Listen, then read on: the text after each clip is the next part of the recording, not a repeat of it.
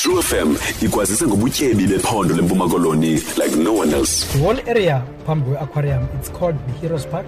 There's imemorial phaya enendoda emileyo ebambe ezantsimbi phaya ezinamahobe ayi-8 in the world there are only five of those memorials. Eyesihlanu elapha e-east london kuthiwa yi-multicultural memorial. It's a memorial in commemoration of the heroes and heroines of this country ezazalwa kule area. Laa memorial ke inalaa ndoda imileyo kubhilive uba yi-afrika uzayibona indlela ebambe ngayo ezaa nto. Is trying to unite all the different worlds. And then we've got amahobe ayi-8 which lo mahobe angumzekelo woxolo. Then phaa ngaphambili ke ngoku although itshixiwe nje uzabona ine-message from unelson mandela. Then when you look behind phaya edongeni amagama aloo maqhawe aphaya onke amaqhawe alapha e-eastern cape amagama oba axhonyiphaya yadizayina e-italy and then ibekwe phaya ngo-16th of december 2008 ya-anvela ngumama unosimo while she was i-premier yase-eastern cape. Then iplants ke ngokweziyaziphaya ikwangamayeza afumaneka kule area. Abantu ke bawaziyo amayeza esintu xa bezojonga pha bazawabona. So it's a well protected area. And then behind it uzawufika kho litye elikhulu elibekwe phaa. It's a bellstone ngamatye afana afumaneke uh, ilitye lenyengane but xa ulibethe ngelitye linomculo ovakalayo phaa. So that's the whole story of i-heroes park.